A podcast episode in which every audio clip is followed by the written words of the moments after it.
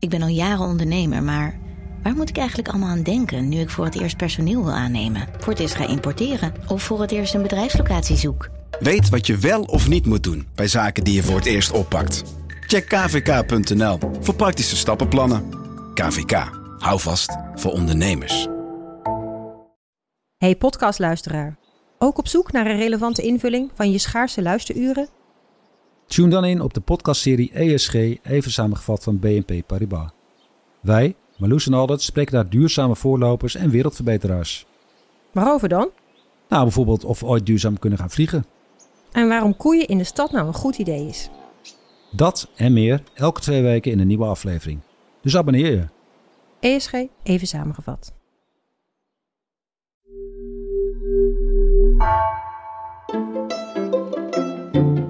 Welkom. Wij zijn Onbehaarde Apen. Dit is een podcast van NRC over wetenschap.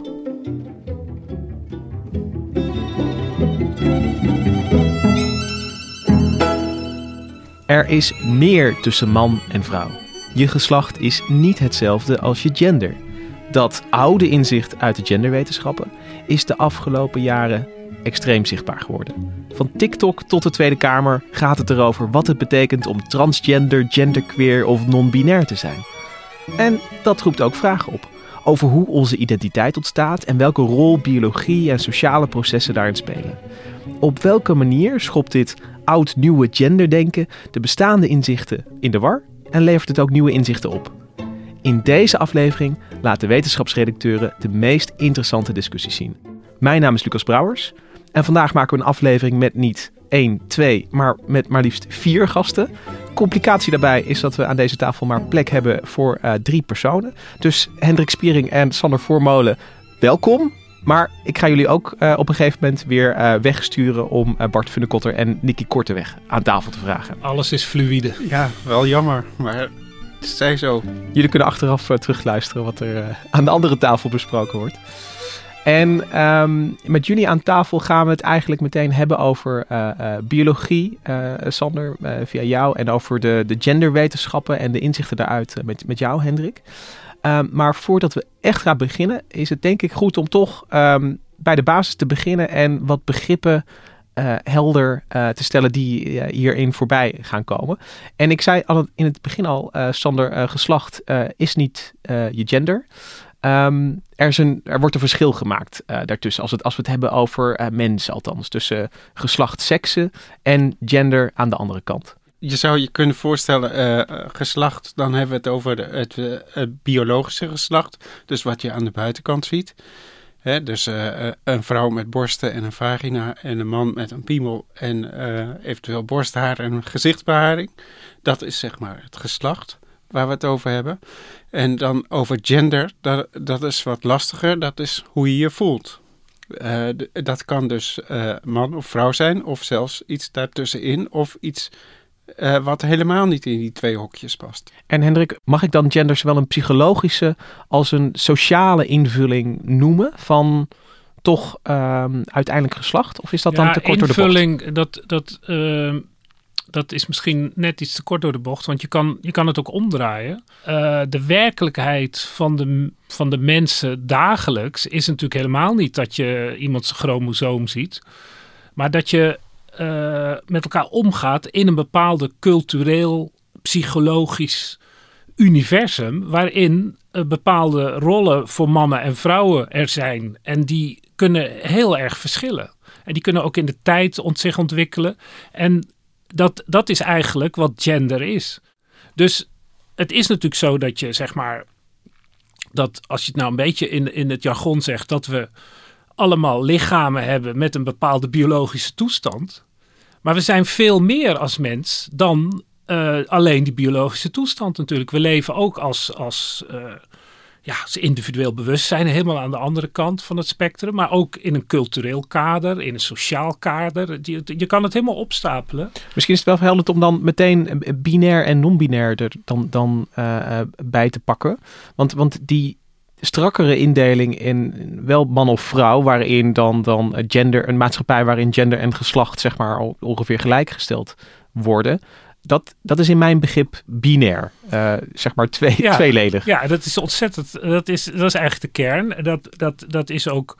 Die biologische definitie is ook heel erg binair. Van je bent of vrouw of man. Dat is natuurlijk heel grappig, omdat in werkelijkheid, als je gewoon echte biologische literatuur bekijkt, dan zijn daar ook allerlei overgangen. Eh, eh, ik geloof eh, mannen met een dubbel X. Je hebt allerlei, dat heet dan syndromen. Dat zijn dus, wordt gelijk gedefinieerd als afwijkingen. Dat is ook interessant. Waarom is dat eigenlijk een afwijking? Het is er gewoon. Je hebt allemaal van die. Ja, Ja. eh, ik, ik ken al die namen niet. Ik ken Sander misschien. En ik geloof dat dat wel een paar procent van de bevolking is. Die worden dus als gedefinieerd als afwijking. Dat vinden we heel normaal. Van ja, nee, want je hebt man en je hebt vrouw. En daartussen, ja, dat is dan een afwijking. Maar het is er wel. En het is zo biologisch als dat man en vrouw. Dus je ziet dat het ook heel erg een soort top-down wil is om die verschillen te maken. Dus in die, in die binaire wereld kom je al eh, een beetje klem te zetten. Maar ehm, eh, waar het nu vaker over gaat is eh, het, het non-binair zijn of het non-binair denken. En dan ontstijg je dus die tweeledige indeling. Ja, dat is dat je dus dat, dat, dat modeldenken, hè, dat je in extreme mate zou non-binair denken. Er wordt een kind geboren en niet de eerste vraag is, is het een jongetje of is het een meisje? Ja. Dat is natuurlijk, ja, ik, dat, die, die vraag die is in onze cultuur onvermijdelijk. Ik heb eigenlijk geen idee of in andere culturen lijkt me dat ook voor de hand te liggen. Maar dat is niet helemaal zeker, want er zijn zoveel variaties op de wereld. En Ja. nog twee begrippen die we nodig gaan hebben zijn eh, trans en cis eh, in deze aflevering. Ik vind het heel, zelf heel, ja, vond ik het interessant omdat cis ineens opduikt in, in de ja, alledaagse taal. Want ik ken dat uit de scheikunde. Als je een molecuul hebt ehm, met eh, de oriëntatie in de transpositie, dan staan ze zeg maar eh, schuin tegenover elkaar. En bij cis wijzen Ja. dan twee molecuulgroepen dezelfde kant op. Je hebt En het dat- ook in, eh, in Romeinse geschiedenis. Transalpien en cisalpien. Dus cisalpien is aan deze kant van Ja. de Alpen. En transalpien is over de Alpen. Dus eh, als we het, eh, maar als we het over genderidentiteit Ja. hebben, dan is, is trans dus iemand die. eh, een overgang heeft gemaakt. Ja, en, en cis is. Is, die aan deze kant van de Alpen is gebleven, zeg maar. Die dus, een, het, om het in het jargon te zeggen. Cis, cisgender betekent eigenlijk dat je nog steeds je tot het, de gender voelt behoren. waarin je ook geboren bent. Of, Ja. of iets van. Of opgevoed. Of opgevoed. Ja, dus wat je bij de toegewezen eh, gender, daar voel je je in thuis. En een, een transgender, die, eh, die is als, eh, ooit als meisje of als jongen gedefinieerd, maar voelde zich daar niet prettig bij en is dan veranderd.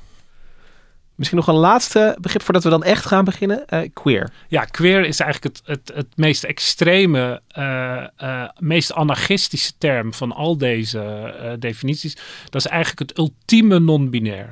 En eh, er zijn ook verschil- verschillende definities van queer. Maar de, de, de handzaamste is dat eh, queer betekent eigenlijk dat je je aan die hokjes wil onttrekken. Dus dat is, ja, no- non-binair, dat kan niet. Daar komt het eigenlijk op neer. Dus als je zegt ik ben queer, dan, dan vind je het bijvoorbeeld niet interessant of je man of vrouw bent. Of, of dat iemand, misschien vind je dat zelf wel interessant, maar wil je niet dat een ander dat interessant vindt. Ja, zeg maar. Je ja. kunt het zo gek niet bedenken of het kan onder queer vallen. Maar wat niet onder queer valt, is dat je eh, zegt ik ben volledig man. Dan ben je niet queer. Nee. Er moet altijd, het, het zijn de, de, de, de, de, de Het is een paraplu-term voor eh, afwijkingen van de norm. Mag ik het zo? Ja, ik zou bijna zeggen afwijzingen van de norm. Want nu begin je Ja. over afwijking. Sorry. En, hè, dus je moet helemaal dat normaal en abnormaal denken moet je Ja. verlaten. het, is, het is wat je doet, dat ben je. En geen definities. Toch hebben we net een paar definities gegeven. En eh, daarmee gaan we toch eh, vertrekken. En, en eh, net leek het misschien allemaal heel erg helder. Nu, we gaan natuurlijk ook even de randjes opzoeken. In ieder geval wetenschappelijk gezien. En Sander, jij ehm, vroeg jezelf af van... mensen zijn biologische wezens. We krijgen natuurlijk, ehm, je noemde het al, geslachtskenmerken. En er zitten natuurlijk er zitten geslachtssystemen in die biologie. Ehm, jij stelde jezelf eigenlijk de vraag van hoe speelt gender hierin een rol? Zit er een, een biologische component in, in gender eigenlijk? Ja, ja, ik ging op pad dus met de vraag van, eh, kunnen we dit eh, biologisch verklaren? En dat is natuurlijk een hele gevaarlijke vraag, want eh, ja, niemand vindt het prettig om gedefinieerd te worden. Dus eh, eh, ja, daar begon het al mee. En ik eh, kwam ook twee eh, wetenschappers tegen die, die totaal anders eh, erin stonden. De ene was Anton Grotegoed, de ontwikkelingsbioloog. Die denkt dat eigenlijk de genderidentiteit eigenlijk al in de baarmoeder ontstaat.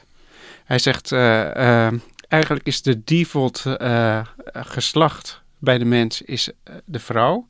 Maar als er dus eh, op een bepaald moment in de embryonale ontwikkeling testosteron bij komt, dan gaat de ontwikkeling richting man.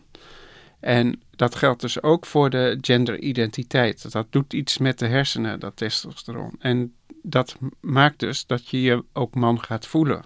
Als je eh, dus zo rond acht weken van de zwangerschap, als je dan aan testosteron blootgesteld wordt. Dus En- hij, hij ziet eigenlijk een biologisch systeem dat dus niet alleen het geslacht, eh, zeg maar, een bepaalde kant opstuurt. Ja. Maar ook uiteindelijk die identiteit die eh, eh, ja, bij, dat, eh, bij die persoon eh, gaat horen, Ja, die krijgt ook al vorm Ja. dan. Ja. Op dat moment. En hij heeft dat, eh, eh, eh, hij, hij is emeritus, maar hij werkte in Erasmus MC in Rotterdam als, als bioloog. En daar heeft hij dat helemaal uitgeplozen in de genetica en, en met heel veel onderzoeken waarin, waarin hij telkens weer een, een klein stukje van de puzzel kon leggen. Eh, maar ja, ik, ik sprak daarna sprak ik met een, eh, een kinderendocrinoloog die eh, bij het Gendercentrum in Radboud Universiteit in Nijmegen werkt. En die zei, nou, ik ben het daar echt eigenlijk helemaal niet zo mee eens. Want die zei van ja, het is allemaal niet zo eenduidig biologisch te verklaren waarom dit gebeurt en waarom mensen zich plotseling in een verkeerd lichaam voelen zitten. En eh, zij zei van, eh, ik zie het veel meer als een, eh, als een soort maatschappelijk fenomeen. En dan, dan ben ik wel benieuwd, want een kinderendocrinoloog die kijkt ook naar ehm, ja, hormonen en, en zeg maar hoe, ehm, Ja. eh, hoe, hoe zich dat ontwikkelt in een, in een kinder- en puberleven. Ehm, wa- wat, wat zegt zij dan over dat testosteron-idee? Bijvoorbeeld dat dat, dat dat al vroeg mensen ook richting een mannelijke identiteit kan sturen. Eh, ja, eh, ze, ze zegt wel dat kan wel bestaan, maar eh, ja, dat is niet, niet zo definitief. Dus ja, en verder gaat het natuurlijk, eh, zij heeft ook veel te maken met de kinderen die eh, intersex zijn. Dus die worden geboren met een geslacht wat niet duidelijk is. En dan gaat zij proberen om uit te vinden of het nou een man of een vrouw is. Zul je zeggen van ja, je kunt beter openlaten en wa- afwachten. Maar dat is ook iets wat maatschappelijk heel moeilijk ligt. Want die ouders krijgen de vraag van is het een jongen of een meisje? En die willen ook weten hoe moet ik mijn kind opvoeden. Dus ja, daar gaat het al, eh, al mis Ja, eigenlijk. dan zie je dus de kracht van ja. het binaire denken in onze cultuur. Het Ja. is heel begrijpelijk, maar Ja. Het, ja, dat, je, je kan je ook voorstellen dat het dan anders is natuurlijk. En ik, ik kan me voorstellen dat je ehm, misschien wel verschillen in, in hersenaanleg bijvoorbeeld eh, ziet bij embryo's. Tussen ehm, eh, embryo's met de sekse man en embryo's met de sekse vrouw. Ehm, maar dat, dat, het lijkt me lastig om ehm, dat uiteindelijk vast te knopen aan identiteit. Want, want eh, ja, eer dat mensen een, een beetje een genderidentiteit hebben, dan, dan, ja, dan kunnen ze al praten. En, dan, Ja, dan, en dan- hoe Ja. definieer je die genderidentiteit? Kijk, de, het, het, het, het, de mannelijke identiteit van nu is heel anders dan in de jaren 50. Weet je, nu weet bijna niemand meer hoe het voelt om een man in de jaren 20 te zijn of een man in 1750. Dat is, dat moet je dan uit, uit, uit, uit dagboeken of weet ik. Je kan er wel iets over zeggen, maar het is heel moeilijk te bepalen. En hoe ga je dan, zeg maar, een biologisch, wat een soort universeel iets zou moeten zijn, ga je definiëren ja, op grond van hoe wij dit nu zien. Ja. En dan je krijg je ook een soort cirkelredenering natuurlijk. Ja, ja Dus precies. dit- ja. ik, ik, het, welke, welke vragenlijst gebruik je om vast te stellen hoe mannelijk zich iemand voelt? Ja, mijn analyse zelf is eh, dat het allebei waar is. Dus De- Ja. het is zowel biologisch eh, bepaald, maar niet helemaal. Eh, en het is ook cultureel bepaald. En loopt het dan door elkaar heen in een, in een, een mo- moeilijk te ontwarbare kluwe? Of, of eh, Daar, bij iets- sommige mensen is het gewoon heel duidelijk dat het gewoon eh, een testosteron-effect is. Want wat ik eh, als voorbeeld noemde, die, die meisjes waarbij, waarbij dus de testosteron niet werkt, ja, dan, dan is het duidelijk dat dat, dat een biologische oorzaak heeft. Maar dat is, dat is dus lang niet altijd het geval.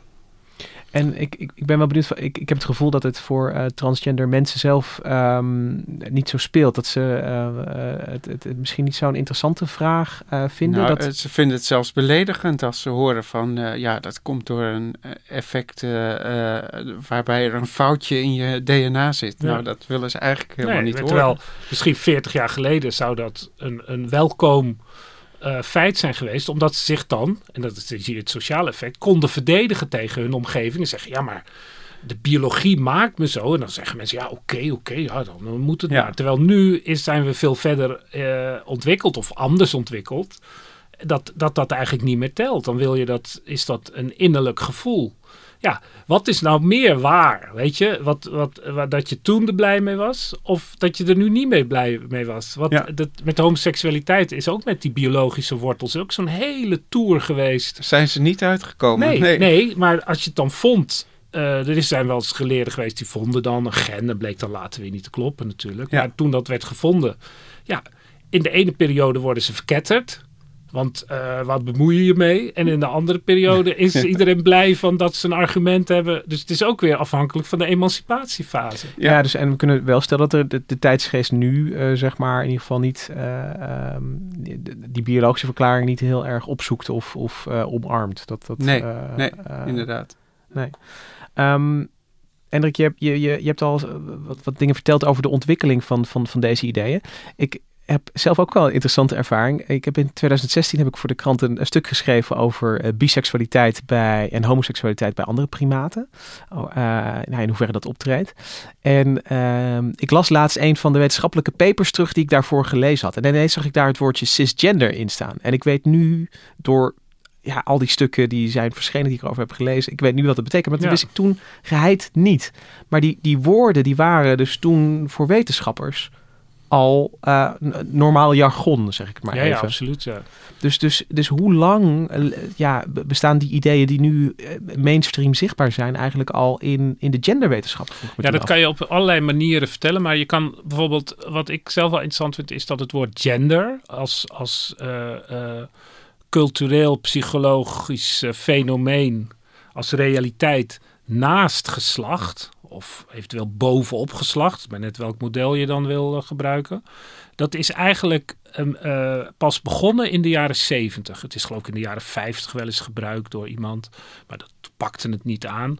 En dat ontstaat dan eigenlijk in de feministische eh, hoek, in de feministische wetenschap. Dus vanuit dat bewustzijn van die vrouwenemancipatie, vanuit de sociale beweging van gelijke rechten, in die in de, eh, ja, dat is natuurlijk al in de 19e eeuw begonnen, maar in de, in de, de tweede feministische golf, die in de jaren 50, 60 eh, begint, eh, is dat.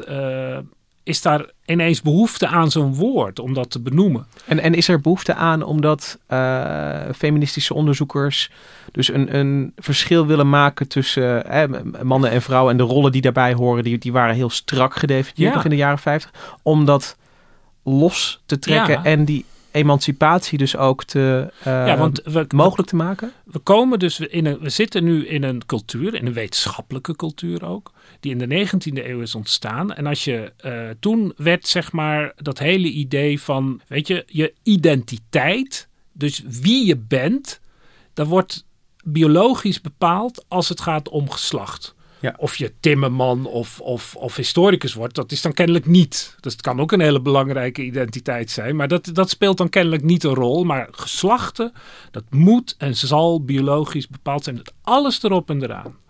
En dat is een, ja, daar, daar ben ik zelf ook nog in opgegroeid. En daarom heb je in het begin ook moeite, als je er voor het eerst kennis mee maakt, om dat hele begrip gender, van ja, gender, gender, Ja. hoe, hoe dan? Je bent toch gewoon man of vrouw, weet Ja. je? Dat, maar omdat dus vanuit de vrouwenemancipatie en ook vanuit de homoseksuele emancipatie, dat speelt ook een rol, omdat daar ook aan die gender roles wordt, wordt, wordt ge- Ja. die definities ge- gepluist eigenlijk, is de behoefte aan een eigen concept om daarmee te kunnen denken.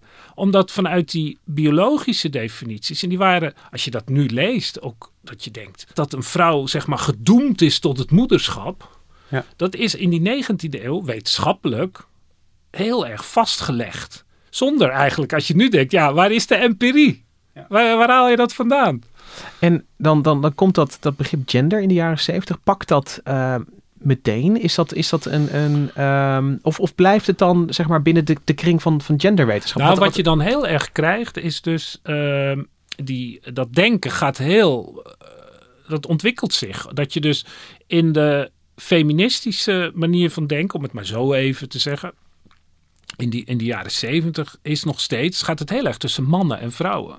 En wat je dan ziet is dat in die, in die en daar heeft natuurlijk eh, eh, denkers als Foucault en dat, dat Franse postmodernisme, die heel erg aan die, aan die, aan die diepe wortels van onze concepten zitten te, te, te rukken eigenlijk. Die spelen daar een belangrijke rol. En dan krijg je in, in de jaren, begin jaren negentig, dan krijg je zeg maar non-binair. Dus de genderstudies en dan in het verlengde daarvan de queer studies, dat loopt dan ook weer door elkaar. Dat is eigenlijk weer een reactie op dat binaire denken van de vrouwenstudies. Ja, ja. En de, alles loopt natuurlijk door elkaar, maar zo kan je het een beetje begrijpen. Dat, en eh, dan, dan wordt ook dat hele idee van identiteit wordt ook aangetast. Want dan krijg je, eh, ik geloof dat ze Judith Butler heet, dat is in die wereld een grote naam. En die zegt dan, ja, gender, gender, dat is niet een sociale definitie die van bovenaf op jou gegeven wordt. Hè, wat nog een beetje in die, in die vrouwenstudies zit. Hè, dat is een sociale actie ook. Nee, dat is een, een performativiteit. Wel een heel moeilijk woord. Ja, dat zit is iets de- wat je doet. Ja, Dat is niet een concept wat van bovenaf wordt opgelegd. Dat doen anderen. Wat jij beleeft, dat doe je. ja. En wat je dus hebt, is dat concepten waarmee je normaal denkt, die je dus op de lagere school geleerd hebt, bij wijze van spreken, die worden aangetast en er wordt de realiteit daarvan wordt, bevraagd. wordt bevraagd en afgewezen eigenlijk. Dat je dus zegt van ah, gender is niet een is niet iets wat, wat je door je genen aan. eh, ge- dat is dan Het extreem. is Of iets wat je kiest, dus. wat je, ja, er heel veel. Wat je kiest en wat je doet. Ja, en eh, wat je ook niet kan definiëren.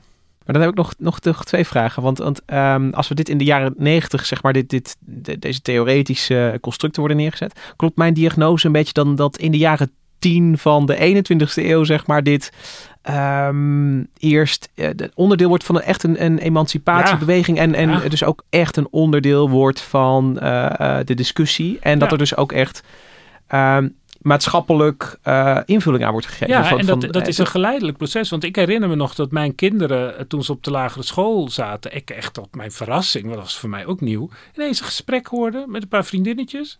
Van, ja, eh, die en die, is dat nou een jongen nu of een meisje? En dan zag je ze zo denken, Ja. oh, nee, eh, hij, hij is nu weer een jongetje. En dat was... Weet je, dat soort gesprekken had ik echt niet op de lagere school, Nee. weet je. En dat is, dat is nu eh, meer dan tien jaar geleden.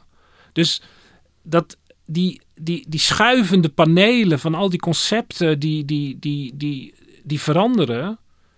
Ja, dat is, van, dat is heel diep de samenleving ook ingegaan. En dat leidt ook tot activisme natuurlijk. Mensen eisen hun, hun plaats op en, en hun recht. En er zijn mensen die zijn het er niet mee eens. Weet je, we kennen allemaal die... eh, is het nou een man of een vrouw? Ja. Weet je? Het wordt Ja. snel gereduceerd tot een, een, een genderneutrale wc uiteindelijk, deze Ja, discussies ja. uiteindelijk. Ja. Ehm, maar, maar ik vind het interessant om te horen waar dat vandaan komt. En wat ik ook interessant vind is, is j- jij beschreef al een beetje die spanning tussen vrouwenstudies en queerstudies en, en hoe dat verder ging. En dat zie je nu ook weer terug. Eh, onlangs is eh, Kathleen Stock, eh, feminist, eh, eh, eh, docent eh, aan eh, de University of Sussex, eh, weggegaan eh, na een nou ja, zo'n soort pestcampagne eigenlijk. Ehm, en wat, wat, de Ja, spanning daar dan Ze is... had bezwaar tegen dat, eh, dat eh, eh, trans mannen in de vrouwen-wc's kwamen, toch? Daar ging het eh, kwestie over, of niet? Ja, dus, dus eh, het, het, het idee is dan dat je dan, eh, ehm, nou ja, dat je een deel van je mannelijke identiteit nog, nog mee kan Ja. nemen en, en daar dus, dus recht aan ontleent, terwijl je je wel ook vrouw noemt, maar Ja, dat, je daar, dus, dat daar nog iets asymmetrisch in En het zit. is dan de ene veiligheid tegenover de ander. En haar werd ook het recht ontzegd om zo'n mening te mogen hebben terwijl je aan de universiteit doseert. Dat Ja. gaat ook allemaal heel erg ver. En wat je dus ziet is zeg maar een, een culturele verandering, of een mentale verandering, hoe je het wil noemen, die in de maatschappij zit, waardoor er ook verschillen ontstaan in opvattingen daarover. En dat is ook een sociale strijd. En in een sociale strijd worden soms echt eh, harde provocaties en het, het, het eh, ja, waar soms ook de honden geen brood van lusten. Dat je denkt, nou ja zeg. Ja. En, eh, maar dat, dat wordt allemaal weer onderdeel van, van die discussie daarover. Maar ik denk wel dat je zeg maar die, die lange wortels van die verandering moet je wel onderscheiden van die, eh, van die politieke strijd die er nu eigenlijk gevoerd wordt. En ja, daar mag iedereen zelf over denken wat hij van wil natuurlijk. Maar als je die geschiedenis ziet die eigenlijk tot in de 19e eeuw teruggaat. Want dat was voor mij eigenlijk de grootste ontdekking van eh, dat we hier nu over die gender zijn gaan eh, kijken. Hoe zit dat nu eigenlijk? Dat, dat bijvoorbeeld voor de 19e eeuw was er eh, een, een, een soort eh, anatomisch beeld. Niet van dat je een beetje genen bij je geboorte meekreeg en dat het zo bleef. Maar dat je identiteit eigenlijk bepaald werd door een soort evenwicht tussen lichaamssappen. En dat was ook heel belangrijk dat je precies het goede at. Want als je dan het verkeerde at, dan kon je lichaamssappen in een ander evenwicht komen. En dan kon je ineens vrouwelijker worden. Ah ja. En, ja. en als je bijvoorbeeld... Dus dat fluïde zat er al in ja, eigenlijk. dat was... Nu zou dat echt zo genderqueer zijn, om zo te denken. Ja. Alleen ja, dat begrip bestond natuurlijk niet. En Nee. wat je ook had, was natuurlijk ook... Vrouwen waren een mindere versie van mannen. Dus dat er, ook wel, er staat ook een ongelijkheid in Ja. verpakken wel. Ja. Ja, alleen als een vrouw zeg maar, nou ga ik er een grap van maken, het goede had en de man het verkeerde, ja, dan wist je wel wie de baas werd. natuurlijk. Ja. Ja, maar het laat zien dat dat in de geschiedenis er vaak ruimte is geweest voor, eh, of eigenlijk dat, dat de, de, de hele strakke indeling die we hadden eigenlijk de afwijking is. Ja, dat Eh, gevoel ga je wel krijgen, ja. Oké, Hendrik en eh, Sander, ontzettend bedankt dat jullie hier ons even wilden meenemen in de academische wortels van, van gender en in het, biologische denken daarover. Ik ga jullie nu toch wegsturen en Nicky Korteweg en Bart van de Kotter aan tafel vragen voor, voor het volgende deel. Oké, we maken plaats. Wij maken plaats. Ja.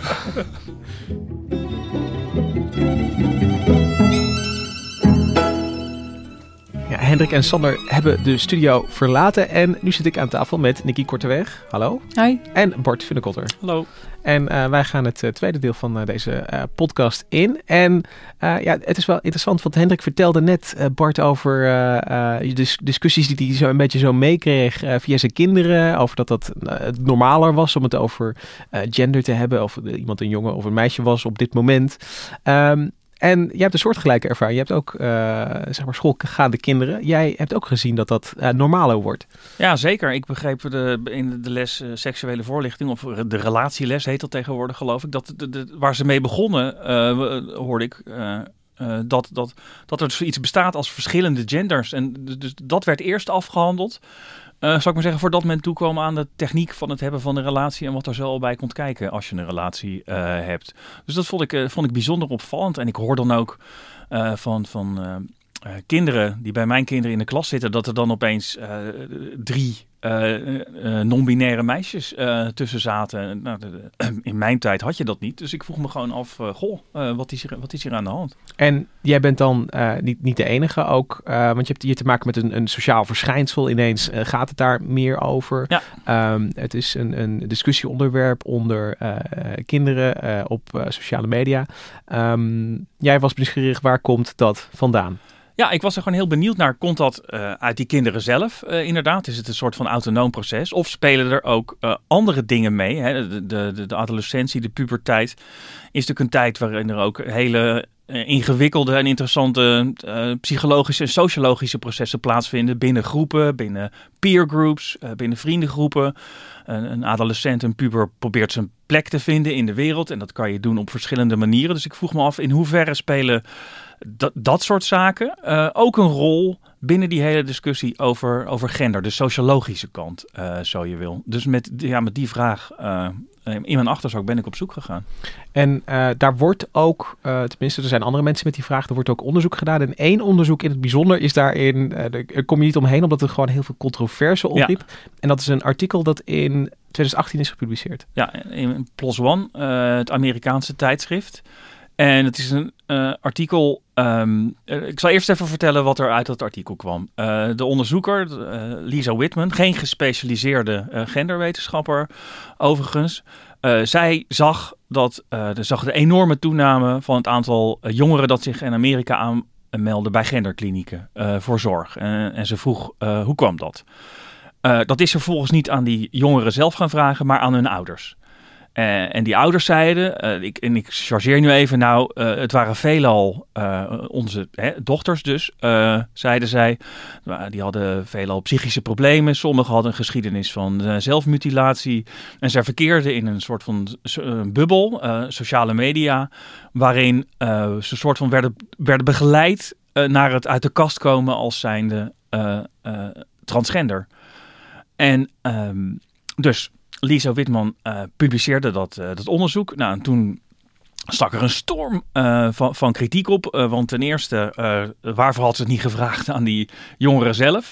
waarom, ze dit, waarom ze zich uit, de, uit de kast kwamen als transgender? En ten tweede, de ouders die ze daarnaar gevraagd had, die waren actief op websites van mensen die überhaupt negatief stonden tegen het hele fenomeen van, uh, van, uh, van uh, transgender mensen. Dus je kon verwachten dat dat mensen waren die, heel, die sowieso negatief zouden reflecteren op het hele fenomeen. En wat is dan makkelijker dat als, er, als je kinderen iets doen waarvan, je zelf vindt dat het verwerpelijk is, dan geef je de schuld aan de omgeving van het kind. Dat was dus de kritiek op dat, op dat onderzoek van Lisa Whitman. sorry, Lisa Litman. Ehm, ze heeft dan ook van PLOS ONE een eh, het moeten herschrijven. En heel erg duidelijk moeten zeggen: dit onderzoek is gedaan onder ouders. Dus het gaat eigenlijk over de perceptie van de ouders op dit fenomeen. En um, mijn conclusie is geen conclusie, maar niet meer dan een hypothese. Het zou kunnen komen door een soort van, uh, wat zij dan noemen, social contagion, dus uh, sociale besmettelijkheid. En zij had er, heeft er, dan ook een, een wetens, wetenschappelijke term bij verzonnen. Die heette Rapid Onset Gender Dysphoria. Eh, dus het, het, het, het, opeens opkomen van een genderdysforie. Wat ook al, daar zit ook al een soort oordeel in als je het. Of ja. tenminste een. een uh, uh, alsof het ineens opkomt, alsof iemand besmet is geraakt. ja, dat is het, het, het zou dus om uh, jonge meisjes gaan die van tevoren nooit iets hadden laten, eerst nooit iets hadden laten blijken. volgens die ouders dus, hè, van ongemak met hun lichaam. En opeens, volgens die ouders, begonnen ze hun borsten in te binden en begonnen ze vragen om hormoonbehandeling en, en zelfs op operaties. En dus de, de, de, hypothese van uh, Litman was dus dat komt omdat ze in feite sociaal besmet zijn. Uh, nou goed, daar was dus uh, heel veel kritiek op, want daarmee zeg je dus eigenlijk, en dat zijn dus mensen die uh, opkomen voor de belangen van transgender mensen, dat je hun hun wens eigenlijk niet serieus neemt. Dat het een soort van uh, modeverschijnsel is. Maar je, wat dus jammer is, is dat een van de eerste ja. uh, serieus genomen onderzoeken dus eigenlijk methodologisch ja, het onderzoek, niet goed in elkaar Het onderzoek waarmee het allemaal begon, uh, zat methodologisch gewoon helemaal niet goed in elkaar. En als je dan teruggaat gewoon naar, naar de vraag die, ja. die op zich gewoon interessant is, van in hoeverre spelen sociale effecten het, het, zoeken naar identiteit en, en hierin een rol. Wat, wat, wat, wat zeggen um, genderonderzoekers daar dan op? Ik heb dus met uh, genderonderzoekers gesproken en die, die zeiden nou ten eerste uh, uh, dat er bij jou kinderen in de klas, kennelijk kinderen zijn die het makkelijk vinden om daarover te praten. En ik, ik heb hier ook met collega's op de krant die zeiden, oh dat herken ik wel. van mijn kinderen dat dat opeens een onderwerp is in de klas. in de meeste klassen is, dat, is het niet een onderwerp waar makkelijk over gepraat wordt. En in de meeste klassen is het zo dat als je als transgender of non-binair uh, uit de kast komt, dat je dan, uh, dan word je gepest uh, door andere leerlingen, nog door leraren ook, als je pech hebt. Dus ze zeiden er zijn makkelijkere manieren om sociale punten te scoren. En dat is door je te presenteren als een hyper eh, vrouwelijk eh, meisje of een hyper mannelijke jongen. Dat, dat is de kortste weg naar populariteit in de klas. Dus, eh, dus dat ten eerste. Eh, en dan ten tweede, en dat is een, eh, een ander, ander aspect dat dit überhaupt bespreekbaar is, dat is pas eigenlijk een paar jaar zo. Dat het gewoon is om hierover te praten. Dat als mijn kinderen relatieles krijgen, dat het dan begint met het feit dat er heel veel verschillende uh, genders mogelijk zijn. Uh, dat, is, dat, dat het, er nu, het is nu pas gewoon om daarover te praten. Dus het is ook logisch dat kinderen die misschien uh, tien jaar geleden met dit gevoel rondliepen en er niks mee kunnen, konden, die kunnen zich nu wel uiten. Dat verklaart een gedeelte van die, van die stijging. Er is eindelijk ruimte om daarover te praten. Ja, en dan zullen er wellicht ook adolescenten, jongeren die in een soort van ontdekkingsfase zitten, die proberen een beetje dit en proberen een beetje dat, dat ze daar uiteindelijk niet bij blijven in, in, uh, bij een bepaalde genderidentiteit, wil niet zeggen dat het op dat moment niet als echt beleefd wordt. Je zou het zelfs als uh, onderdeel van uh, fluiditeit kunnen zien dat dat door de tijd heen verandert. En, en ja. Uh, ik vind het wel interessant, dan, dan is het dus niet um, uh, achteraf uh, niet echt of zo. Nee, het, het, het, was op dat moment heel echt, alleen het is niet blijvend. Een fase. ja, ja, maar het, het, ik, het woord fase wordt door genderonderzoekers liever niet gebruikt. Mhm. Mm -hmm. Uh, uh, omdat dat, zou ik zeggen, de, de, echtheid van het moment uh, al niet voldoende onderkent, zoals ik, zoals ik het begrijp. Dus het, het, is gewoon, het is een moment in een ontwikkeling die, die, en die gaat dan misschien nog verder. En dan tot slot heb je ook een groep die het misschien zal doen omdat het interessant is. omdat ze, weet ik veel, Nicky tutorials tof vinden of zoiets dergelijks. En, en, en, ook, en ook zo willen zijn. Maar de bottom line is, omdat het pas zo kort bespreekbaar is en omdat we pas relatief kort uh, onderzoek doen en dit hele proces volgen, uh, weten we eigenlijk nog helemaal niet uh, waar we mee te maken hebben. Je, je, zou pas eigenlijk, zou je dus over tien jaar nog een vervolgonderzoek moeten doen. Je zou eigenlijk nu een klas in moeten duiken. Kinderen, adolescenten, jongeren, pubers moeten bevragen op een genderidentiteit. Hoe ze daarover denken, over zichzelf.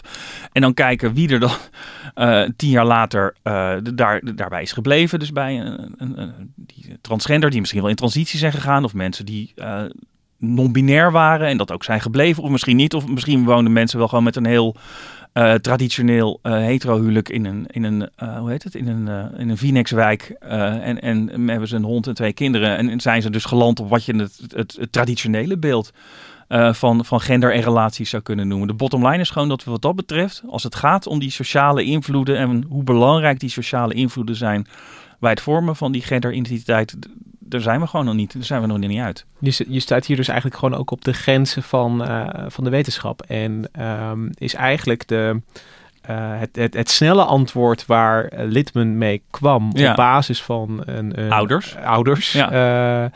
uh, eigenlijk dus ook ja, een, een, een heel prematuur schot voor de boeg. Ja, nou ja, dus daarom mag het, is het artikel van haar ook nu zo herschreven dat het niet meer is dan een hypothese. Maar het is, ik kan me voorstellen dat je als ouder die misschien niet met dit soort zaken dagelijks bezig is, dat je ook een snel antwoord wil. Van wat is hier aan de hand? De, de, mijn zoon of mijn dochter zegt opeens dat ze niet mijn zoon of mijn dochter meer zijn. En ik wil wel even weten wat het is. En komt het door die stomme vrienden van je? Dus ik kan me voorstellen dat bij sommige ouders daar wel een soort van morele paniek over bestaat. En ik heb er ook naar, de, naar gevraagd, de genderwetenschappers die ik gesproken heb voor het stuk dat ik er uh, over schrijf voor, de, voor de wetenschapsbijlage. En die zeiden van, nou ja, je moet dus niet in paniek raken. en je moet gewoon in gesprek gaan, gewoon vragen stellen en laten uitleggen. En, en, en, gewoon de ruimte geven aan, aan zo'n aan zo'n aan zo'n adolescent om, om, om hier rustig mee om te gaan, zonder dat er een enorme druk op komt te staan. En, en dat er inderdaad paniek is bij die ouders, die dan misschien door het kind ook als zodanig weer ervaren wordt. En dat, die wetenschappers die ik sprak, die zeiden ook, ja, ik kan me voorstellen dat het moeilijk is om dat gesprek te hebben, maar dat het toch beter is voor iedereen om dat, om dat wel te doen. En snelle antwoorden over dus um, hoe, in hoeverre is het, zal ik maar zeggen, dan biologie, hoe ver is het persoonlijke psychologie en in hoeverre is het uh, sociologie en spelen dus dingen als peer pressure en zo mee. Ja, die zit, zover zijn we nog niet uh, gewoon. En wat je dus inderdaad wil zeggen, als je dus uh, als je populair wil worden, is het dus makkelijker om je als een heel erg meisje, uh, vrouwelijk meisje of mannelijke jongen te presenteren. Maar er zijn natuurlijk ook altijd kinderen die de enige punker in de klas willen ja, zijn. Die zich afzetten. Ja, of, of de enige goth of de enige metalhead. Ja, dat, dat, dat zal meespelen. En hoe dat, hoe dat zit, dat zullen we dan, uh, dat merk je dan later wel. Oké, okay. dankjewel Bart voor dit gedeelte. Het, het, ik ben wel benieuwd, Nicky, naar hoe dit op jouw terrein zich afspeelt. Want je, je, hebt je verdiept in zeg maar, de, ehm, de medische kant. Want voor sommige mensen die ja, zich niet thuis voelen in het geboortegeslacht, noem ik maar even, Um, zit er natuurlijk een, een medisch traject, um, kan er een rol gaan spelen om meer een, een, ook een lichaam te krijgen dat meer bij het ervaren gender past. Ja. Nu kennen we dat al wat langer. ik, ja, dat kennen we al heel lang. Dat, ja. dat gebeurt al een tijd. Maar ik ben benieuwd, want die, die genderdiscussie met al die subtiliteiten, die komt er eigenlijk ineens bij sinds een, uh, sinds een paar jaar. Hoe landt dat in de medische wereld? Ja, je ziet die transitie, om maar even een woord te gebruiken. Je ziet die uh, verandering inderdaad in die groep ook terug in, de, in, in die genderklinieken. Ik heb uh, onderzoekers gesproken van de Amsterdamse uh, genderkliniek, van het Amsterdam UMC. En daar doen ze al sinds nou, 1972, behandelen ze daar mensen die een transitie willen. Dus als vrouw geboren, mensen die een man willen worden. En um, als man geboren mensen die een vrouw willen worden. En er zijn tot nu toe, en eh, sinds, die, sinds 1972 zijn er 10.000 mensen behandeld. Dus dat is veruit het grootste aantal in Nederland. En je ziet daar in, in het begin was het traject, zeg maar, volledig. Dus je had eigenlijk maar twee smaken. Of je, je werd, eh, ging voor het vervrouwelijkende traject of voor het vermannelijkende traject. Maar tegenwoordig zie je veel meer dat mensen maar een gedeelte van het traject kiezen grofweg is het traject, eh, je krijgt eerst een psychologisch uh, intake en, en inventarisatie van wat er aan de hand is. Dan krijg, kun je hormonen krijgen, hormonale behandeling. Uh, en daarna medische ingrepen. Maar sommige mensen willen bijvoorbeeld alleen een medische ingreep. Anderen willen alleen maar de hormonale behandeling. En een andere groep wil, die, wil dat hele traject. En er zijn ook mensen die, die alleen met psychologische ondersteuning... dat, die daar genoeg aan hebben. En um, zien uh, genderklinieken, um, die hebben dus, uh, aan de ene kant hebben ze, uh, geven ze meer ruimte eigenlijk om, om tenminste, hebben, als ik je goed begrijp, geven ze meer ruimte dan, nu dan 40 jaar geleden, als het, als het gaat ja, om... absoluut. Ja, want ja, aan het begin van, hè, in de jaren 70, toen die, toen die kliniek begon, had je eigenlijk grofweg twee smaken. Je werd, werd of man of vrouw, even gechargeerd gezegd. En nu is er veel meer uh, aandacht voor, voor dat brede spectrum aan genders uh, wat, er, wat er is. Dus ze kijken veel meer. Ja, het is echt een aanpak op maat geworden. Ze kijken echt naar wat iemand nodig heeft. Uh, ja, om zich weer goed te voelen en weer goed te kunnen functioneren. En wat ik ook nieuwsgierig naar ben, zien zij die toename in, in aandacht voor, voor die verschillende genderidentiteiten ook gewoon terug in het aantal mensen dat zich aanmeldt voor, voor een behandeling, het zij psychologisch, het zij hormonaal, het zij operatief. Maar zit daar een, een toename in? Van, van, we, we signaleren hier al een paar keer dat het, ja, dat het er onder jongeren vaker over gaat, dat het in de klasse een, een thema is. Ja, zien zij zien een enorme toename in mensen die, eh, die zich melden bij de kliniek. Kijk, hoeveel, hoe, hoeveel het voorkomt in de hele populatie is natuurlijk heel moeilijk te zeggen. Uh, maar die kliniek die heeft echt, nou, in, in die 50 jaar dat ze bestaan, is het 20 keer toegenomen. In de jaren 80 waren het 34 mensen per jaar en nu zijn het er bijna 700. Uh, en er, er, zijn enorme wachtlijsten van twee jaar. Ik geloof dat er nu al 5000 op staan. Dus zij zien een enorme toename en dat zie je ook wereldwijd. En um, ja, ze zien ook dat de, de verdeling van mensen is veranderd. Voorheen waren het, was twee derde van de mensen die zich aanmelden, was geboren of kreeg bij de geboorte een mannelijk geslacht toegewezen. En een derde dus een vrouwelijk. en nu is dat veel meer 50-50 bij volwassenen, zien ze. En ze zien ook dat bij kinderen en jongeren er meer geboren meisjes zich melden. Dus wat Bart ook al signaleerde. En uh, uh, Bart had het net over die, die medisch klinkende term die aan, aan, aan, die opkomst werd gegeven, rapid onset gender dysphoria. Gender dysphorie, ehm, ik, ik, ben daar benieuwd naar. Is dat een term die nog gebruikt wordt of is die ook meer een beetje uit de oude tijd? Nee, dat is, dat is de gangbare term. Dat centrum zelf heet Kennis- en Zorgcentrum voor Genderdysforie. Dat is denk ik ook een nieuwe naam, maar Dat uh, genderdysforie is, is de overkoepelende term. En daar valt dus ook dan anders alles onder. Ja, en ik begrijp dat de, de WHO heeft een, zeg maar, een nieuwe termenlijst aangenomen. En die spreken, uh, als het goed is, vanaf 1 januari 2022 liever over genderincongruentie dan over gender, genderdysforie. Maar vandaar ook mijn vraag, omdat een, een, deel van die terminologie zit nog natuurlijk in het medische, in het behandeling van de afwijking. We hebben het ook nog over een, genderkliniek, zeg maar, van, van als een, een... Ja, maar ook daar is het al, ja, om het goed te kunnen uitleggen gebruiken ze wel het woord patiënt, maar het zijn natuurlijk niet patiënten in die zin. Het, ja, het, het is, het is wel iets anders. Ja, een cliënt zou je het eigenlijk dan eerder kunnen noemen. ja. ja. En ik ben ook wel benieuwd, uh, Nicky, naar als het gaat over deze genderklinieken. Als je, uh, nou ja, als je, stel je kijkt met heel veel zorg naar het, de, de, de, het, de toename van uh, mensen met, met, met, met, met gender. Um, issues. Dysforie. Dysforie. Ja. Um, dan, uh, dan gaat het heel erg van, van, oh, weet je, zijn we niet allemaal uh, mensen aan het behandelen die later spijt krijgen of die later uh, dingen weer terug willen veranderen. Um, hoe kijken ze daar binnen die klinieken tegenaan? Zijn dat veel mensen? zijn die alsnog te helpen? ja, dat, die Amsterdamse kliniek heeft een heel grote studie gedaan. Die hebben natuurlijk heel veel cliënten uh, behandeld in, die, in de afgelopen 50 jaar. Dus die hebben een enorme studie onder bijna 7000 uh, mensen die in de kliniek zijn behandeld of nu in behandeling zijn gedaan. En um, daar hebben ze al dat soort dingen in kaart gebracht. En dat is echt een van de grootste studies wereldwijd die daarnaar is gedaan. Uh, en zij zien dat een half procent van de mensen die zij behandeld hebben spijt kreeg. Echt spijt, terug, weer terug wilde. Um, ja, en dat, dat, dat, zijn dan twaalf personen. Um, en maar dat ik, kan. Ik, ik kan me voorstellen dat met de toename van het aantal mensen dat zich daar meldt, er uiteindelijk ook meer spijt op tanden tussen zullen zitten. Omdat je, zou ik zeggen, vroeger als je dat deed, moest je, was je, moest je wel heel erg overtuigd zijn als je door al die uh, taboes heen wilde om, om je daar te melden. En omdat de drempel nu misschien lager is. Maar wat er tegenover staat is zeg maar die diversificatie in ja, aanbod. Uh, eh, dus dat als uh, de uitgesproken wens misschien ook minder hard is, dat er dan ook um, dat je minder ver in het, in het, in het traject gaat. Ja, ja. ja. Dus dat, dat lijkt me net als, als jouw vraag eigenlijk, Bart. Jij probeert het te beantwoorden ook een, een, in het moment uh, moeilijk te, te bekijken. Zeker. Ja, en, dat is ook door de tijd heen. Zij volgen natuurlijk al hun, uh, alle, alle mensen die, die zij uh, onder hun hoede hebben. Dus dat is absoluut iets waar zij op letten. Ja.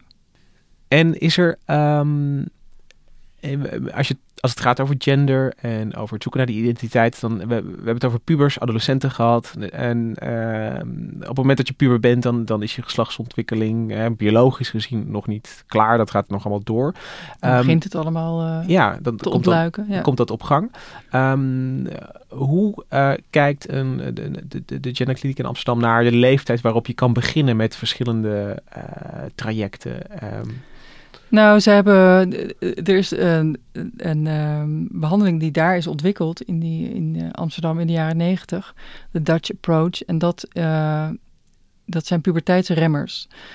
Kinderen vanaf 11 jaar in Nederland kunnen puberteitsremmers krijgen als dat past binnen hun behandeling. Dus dat is niet dat je per se op je elfde die, die remmers moet krijgen, maar dat kan. En um, dat is dus voordat jouw puberteit begint. En daarmee voorkom je dat al die geslachtskenmerken die, die helemaal niet passen bij uh, het geslacht waar, waar jij je, uh, hoe jij je voelt, dat die niet ontwikkelen. Um, maar er is natuurlijk best veel discussie over uh, wereldwijd. Het is, het is wereldwijd wel overgenomen, die hele behandeling, wordt nu overal gedaan, maar er is wel discussie over of je zo jong moet beginnen en of kinderen op zo'n leeftijd, of pubers op zo'n leeftijd al ja, kunnen beslissen hierover. Maar het, het, uh, ja, die Amsterdamse genderkliniek die, die uh, staat nog steeds uh, vierkant achter die, die manier. Omdat het juist een hele veilige manier is ook om te onderzoeken of het wel de route is die je, die wil als kind. Als je ermee stopt, kun je, gaat die puberteitsontwikkeling gewoon weer door. Dus het is omkeerbaar in die zin. Um, dus het, is juist een, het geeft juist rust om, om hè, stap voor stap die transitie, transitie in te gaan en uh, ja, niet overhaast uh, dingen te doen. Uh, maar in Amsterdam zien ze trouwens ook dat eigenlijk de meeste kinderen met genderdysforie die zich daar melden, uiteindelijk niet het traject ingaan. Daar verdwijnen die gevoelens ook weer. Een beetje afhankelijk van de, de studie die gedaan is, ligt dat tussen de 15 en 40 procent van de kinderen die wel doorgaan. En dat gaat dan echt om jonge kinderen. Um, dus dat laat ook weer zien dat er wordt heel goed gekeken en gewogen en heel zorgvuldig, zeg maar, worden die trajecten gedaan per persoon. En hoe, um, tot slot denk ik, hoe kijken ze in, in um, die genderkliniek zeg maar, tegen die ja, maatschappelijke polarisatie aan? Weet je, van, het, het, het, het, ligt allemaal een beetje onder een vergrootglas. Hoe gaan ze daar maar om? Ja, het ligt enorm onder een vergrootglas. En um, nou, ik, ik, hoorde, ik hoorde ze wel verzuchten dat ze, dat ze eigenlijk gewoon heel graag aan het werk willen en niet de hele tijd dat soort uh, branden moeten blussen. Want er is een enorme wachtlijst en zij willen gewoon doen waar ze goed in zijn. En dat is mensen zo goed mogelijk begeleiden naar een, uh, een lichaam en een leven wat, uh, wat bij ze past. Dus ja, ze hebben er een behoorlijke dagtaak aan. En ja, dat is jammer voor ja. die wachtlijsten. Ze willen graag de, de ophef voorbij. Ja. Ja. Oké, okay, dankjewel Nikki en Bart dat jullie ons deze kanten van ja, gendervraagstukken lieten zien. Um, een aflevering als deze is nooit compleet. Zeker niet als jullie allemaal maar uh, heel kort uh, mogen, mogen praten. Maar ik denk dat we toch, uh, ook met het deel van Hendrik en Sander erbij, op heel veel verschillende manieren naar gender hebben gekeken. En, en, daardoor toch ook een heel rijk beeld hebben gekregen van waar dat vandaan komt. En, en hoe vraagstukken vandaag worden behandeld en bekeken. dank jullie wel daarvoor. Dankjewel Rosa van Toledo voor de productie van deze aflevering. En de muziek die je hoort, die is gespeeld door het Judo Quartet. Wij zijn er volgende week weer met een nieuwe aflevering. Tot dan!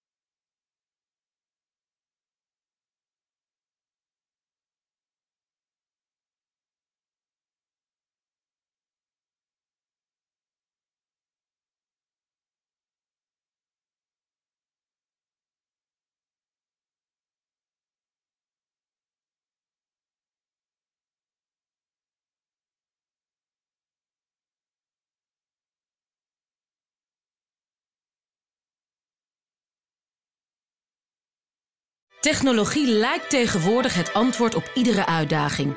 Bij PwC zien we dit anders. Als we de potentie van technologie willen benutten, kunnen we niet zonder een menselijk perspectief. Human-led, tech-powered noemen we dat. Ga naar pwc.nl.